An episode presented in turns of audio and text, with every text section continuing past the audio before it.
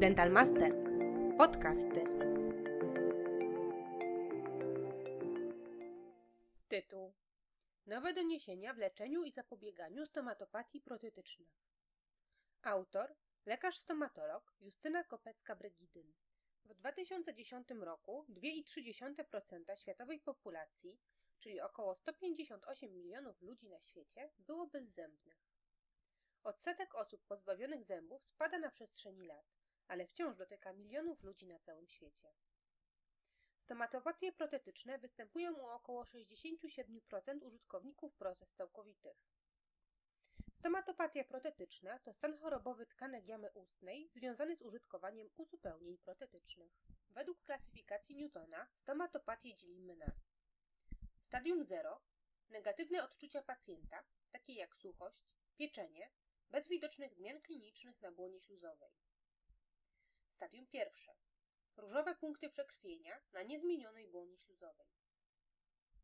Stadium drugie. Uogólniony stan zapalny błony śluzowej przykrytej płytą protezy. Stadium trzecie. Przerostowe, ziarninujące zapalenie, które może przekraczać obszar pokryty protezą. Według profesora Majewskiego obraz stomatopatii możemy podzielić na stan zapalny ostry oraz przewlekły. Stan zapalny typu ostrego może objawiać się w zależności od rozległości zmian jako punktowe zaczerwienienie i przekrwienie błony śluzowej, rozlany stan zapalny pokrywający się z zasięgiem obszaru protezowanego oraz ubytek tkanki, odleżyna. W obrazie przewlekłego stanu zapalnego wyróżniamy uszypułkowaną zmianę łącznotkankową, tzw. Tak nadziąślak szczelinowaty, brodawkowaty, rozrost błony śluzowej podniebienia przypominający owoc maliny oraz rozrost włóknisty grzbietowej części wyrostka. Jako przyczyny stomatopatii protetycznych wymienia się uraz mechaniczny, niefizjologiczne warunki pod płytami protez, takie jak podwyższona temperatura, czynniki infekcyjne, szczególnie grzyby z rodzaju Candidia, bakterie. Zakażenie Candidia w stomatopatii dotyczy około 60% użytkowników protez czego głównym patogenem pozostaje Candidia albicans. Pod płytą protezy są szczególne warunki sprzyjające rozrostowi grzybów. Obniżone pH, brak tlenu, zmniejszony przepływ śliny. Oprócz tego niedostateczna higiena i dieta bogata w cukry będą również przyczyniać się do podtrzymywania infekcji grzybiczej. Należy również wspomnieć, że u pacjentów z niektórymi chorobami ogólnoustrojowymi będzie szczególna predyspozycja do zakażeń grzybiczych. Wśród tych schorzeń wyróżniamy cukrzycę, stan po radioterapii w obrębie głowy i szyi, niektóre nowotwory, anemię, awitaminozy, chorobę Gravesa-Badesoła i zespół Sjogrena. Osoby po przebytych przeszczepach należą do grupy pacjentów szczególnie predysponowanych do schorzeń jamy ustnej. Badania wykazały, że pomimo wzmożonych czynności higienicznych jamy ustnej oraz uzupełnień protetycznych, Występowanie infekcji jamy ustnej jest u nich częstsze niż u pacjentów ogólnie zdrowych. Niewątpliwie może przyczyniać się do tego terapia immunosupresyjna, której poddawani są pacjenci po przeszczepach narządów. Rozpoznanie stomatopatii protetycznej stawiamy na podstawie wywiadu oraz badania klinicznego pacjenta. Klinika krakowska proponuje następujące postępowanie w przypadku występowania stomatopatii. W pierwszej kolejności dążymy do eliminacji czynników urazowych związanych z budową protez. Zalecamy intensyfikację zabiegów higienicznych oraz stosowanie środków dezynfekcyjnych i przeciwzapalnych. Preparaty na bazie chlorheksydyny. Jeżeli po dwóch, trzech tygodniach nie obserwujemy poprawy, pacjenta należy skierować na badanie w kierunku infekcji Candidia oraz wykonać antybiogram dla drobnoustrojów. Przypadku infekcji Candidia lekiem z wyboru jest nystatyna, stosowana miejscowo na dośluzówkową powierzchnię protezy przez okres 3 tygodni. Nystatyna wykazuje działanie przeciwgrzybicze, redukując kolonie Candidia. Jak wykazały przegląd systematyczny i metaanaliza z 2016 roku, amfoterycyna B i mikonazol nie zdają się wykazywać równie dobrego efektu terapeutycznego co nystatyna w leczeniu schorzeń jamy ustnej związanych z użytkowaniem protez oraz infekcją Candidia. W przypadkach rozrostowych zmian w jamie ustnej planuje się chirurgiczne wycięcie zmian metodą tradycyjną lub laserową. Należy równocześnie ocenić aktualnie użytkowane protezy i ewentualnie przystąpić do wykonania nowych uzupełnień. Niniejszy przegląd piśmiennictwa skupia się na najnowszych doniesieniach na temat leczenia i zapobiegania stomatopatii protetycznych. Materiał akrylowy jest z natury porowaty, co ułatwia grzybom adhezję. Należy pamiętać, że środki do mycia i dezynfekcji protez działają z jednej strony ograniczając adhezję i proliferację drobnoustrojów, ale z drugiej strony mogą wpływać negatywnie na materiał akrylowy, powodować większą szorstkość, porowatość, a co za tym idzie, zwiększać warunki do rozwoju drobnoustrojów. Jak pokazują badania z 2021 roku, dodanie do żywicy akrylanowej związku metakrylanu z dodatkową grupą fosfolipidową przy jego bocznym łańcuchu MPC wyraźnie zmniejsza koncentrację Candidia albicans u użytkowników protez.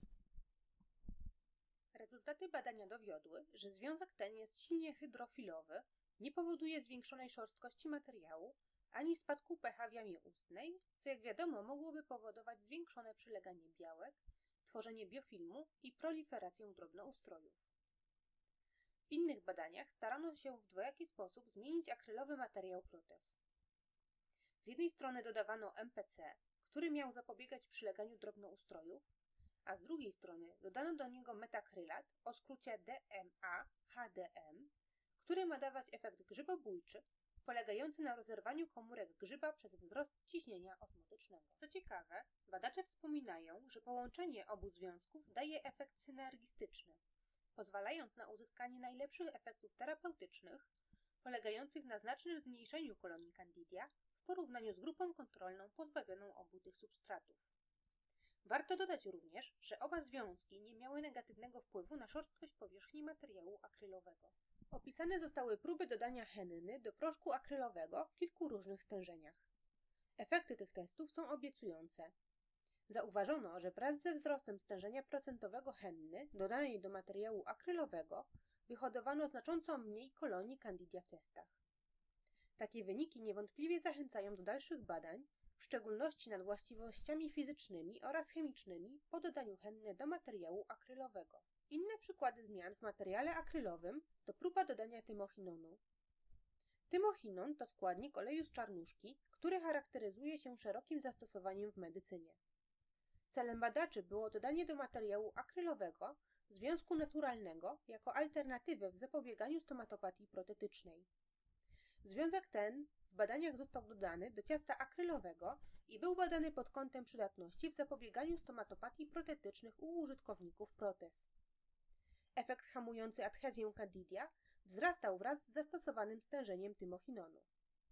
Użycie tymochinonu musi być podane dalszym badaniom w kierunku jego wpływu chociażby na właściwości fizyczne materiału akrylowego oraz tego, jak zachowuje się po latach w środowisku jamy ustnej.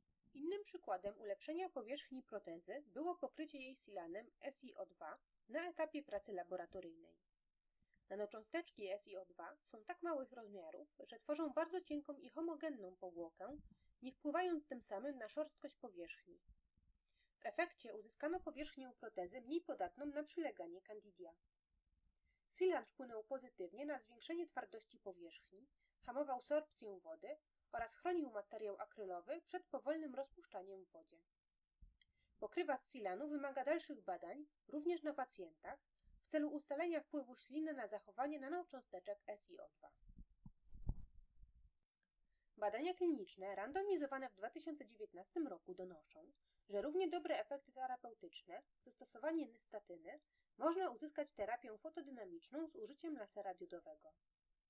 Terapia fotodynamiczna polega na aktywacji światłem o długości fali 400 do 700 nanometrów specjalnego barwnika, co wytwarza wolne rodniki, które z kolei działają silnie cytotoksycznie. Leczenie tą metodą polegało na pokryciu roztworem barwnika zmienionej zapalnie błony śluzowej oraz płyty protezy, a następnie przez 20 minut naświetlanie światłem o długości fali 440 do 460 nanometrów. Obserwacja trwająca 3 miesiące wykazała znaczący spadek kolonii Candidia. Inne badania randomizowane opublikowane w 2021 roku wykazały skuteczność leczenia fotodynamicznego stomatopatii protetycznych u aktywnych palaczy na poziomie skuteczności terapii nystatyną. Według tego opracowania metoda była równie skuteczna w przypadku szczepów Candidia opornych na tradycyjne leczenie. Uwagę zwracają również badania in vitro nad dodaniem związków hitosanu do mas biologicznej odnowy tkanek. Materiały do biologicznej odnowy tkanek są często stosowane w przypadku leczenia stomatopatii protetycznych. Znajdują zastosowanie jako korekcyjne podścielenie protez. Hitosan natomiast to związek z grupy polisacharydów pochodna hityny. Ma działanie przeciwdrobnoustrojowe, przeciwzapalne i przeciwbólowe. Wykazuje też właściwości mukoadhezyjne, dzięki czemu jest wykorzystywany w medycynie w układach dostarczania leków. W wymienionej analizie oceniana była szorstkość oraz twardość powierzchni materiałów do biologicznej odnowy tkanek po dodaniu do nich soli hitosanu. Twardość powierzchni wspomnianych materiałów do biologicznej odnowy tkanek zwiększa się po dodaniu soli, jednak w akceptowalnym stopniu. Niestety szorstkość powierzchni wzrasta wyraźnie, co niekorzystnie wpływa na jakość tak zmienionego materiału. Duża szorstkość bowiem przyczynia się do nasilonej adhezji drobnoustrojów oraz zapewnia dobre warunki do ich wzrostu. Niemniej jednak wyniki są częściowo obiecujące, ale na pewno wymagają dalszych testów. Inne badania donoszą natomiast o dobrych wynikach terapii roztworem hitosanu. Wspomniany roztwór łagodzi objawy stomatopatii, zaczerwienienie, uczucie pieczenia. Autorzy badania zwracają uwagę na obiecujące wyniki działania roztworu w zmniejszeniu adhezji candidia oraz hamowaniu wzrostu komórek. Z drugiej jednak strony, dodanie związków hitosanu do materiału akrylowego przed polimeryzacją nie wykazało różnicy w zmniejszonym przyleganiu candidia do płyty protez w porównaniu z materiałem niezmienionym. Oprócz tego zwiększeniu uległa szorstkość powierzchni protezy po zmianie materiału akrylowego, co również może promować formowanie biofilmu. Zmieniony materiał akrylowy wykazywał też niekorzystną estetykę. Sole hitosanu były widoczne jako białe plamy. Kolejne ciekawe doświadczenia to połączenie właściwości antyseptycznych octu winnego i nadtlenku wodoru. Badacze chcieli uzyskać roztwór skuteczny w leczeniu stomatopatii oraz łatwo dostępny. Oba związki użyte osobno nie wykazywały szczególnych cech zwalczania drobnoustrojów. Po ich połączeniu w odpowiednim stężeniu mogą dodawać efekt zmniejszający kolonię grzybów oraz Staphylococcus aureus. Wyniki badań są obiecujące, ale wymagają dalszych testów w kierunku cytotoksyczności. Następnym obiecującym badaniem było stosowanie roztworu nanocząsteczek srebra. Badania skupiały się na tezie, że candidia posiadają zdolność tworzenia biofilmu, który może pozostawać oporny na działanie antyseptyków oraz związków przeciwgrzybiczych. Ponadto badacze donoszą o niepokojącej tendencji do nasilania się oporności candidia na fluconazol. W wymienionym badaniu nanocząsteczki srebra zostały syntetyzowane z grzybami z rodzaju Fusarium oxysporum. Roztwory zawierające związki nanosrebra wykazywały skuteczne działanie nawet w niskich stężeniach. Nanocząsteczki srebra charakteryzują się szerokim spektrum działania przeciwgrzybiczego i przeciwbakteryjnego. Dowiedziono ich działania polegającego na niszczeniu powierzchni komórek Candidia poprzez ich pękanie oraz zahamowanie tworzenia biofilmu. Jako ostatni przykład nowych badań nad leczeniem i zapobieganiem stomatopatii chciałam pokazać ciekawy sposób dodania nanocząsteczek diamentowych do materiału akrylowego przed polimeryzacją. Nanocząsteczki diamentowe o wielkości 30 nanometrów dodane do materiału akrylowego wypełniły jego pory, zapewniając mniejszą szorstkość. Polepszenie parametrów związanych z szorstkością materiału wydaje się dobrym rozwiązaniem w przypadku, gdy pacjent sam nie daje sobie rady z higieną protez. Zmniejszone przyleganie candidia obserwowano wraz ze wzrostem stężenia nanocząsteczek 1 do 1,5%. Materiał jednak po czasie wykazywał zmiany koloru, co było niepożądane. Nie został na razie zbadany wpływ warunków jamie ustnej, zmiany pH oraz temperatury i innych drobnoustrojów na materiał akrylowy z nanocząsteczkami diamentowymi. Do tej pory nie udało się ustalić złotego standardu w leczeniu stomatopatii protetycznej. Niewątpliwie skuteczne leczenie opiera się na działaniach w jamie ustnej oraz płycie protezy. Ostateczną decyzję co do formy leczenia podejmuje lekarz na podstawie wywiadu, badania klinicznego oraz badania laboratoryjnego. Dental Master. Podcasty.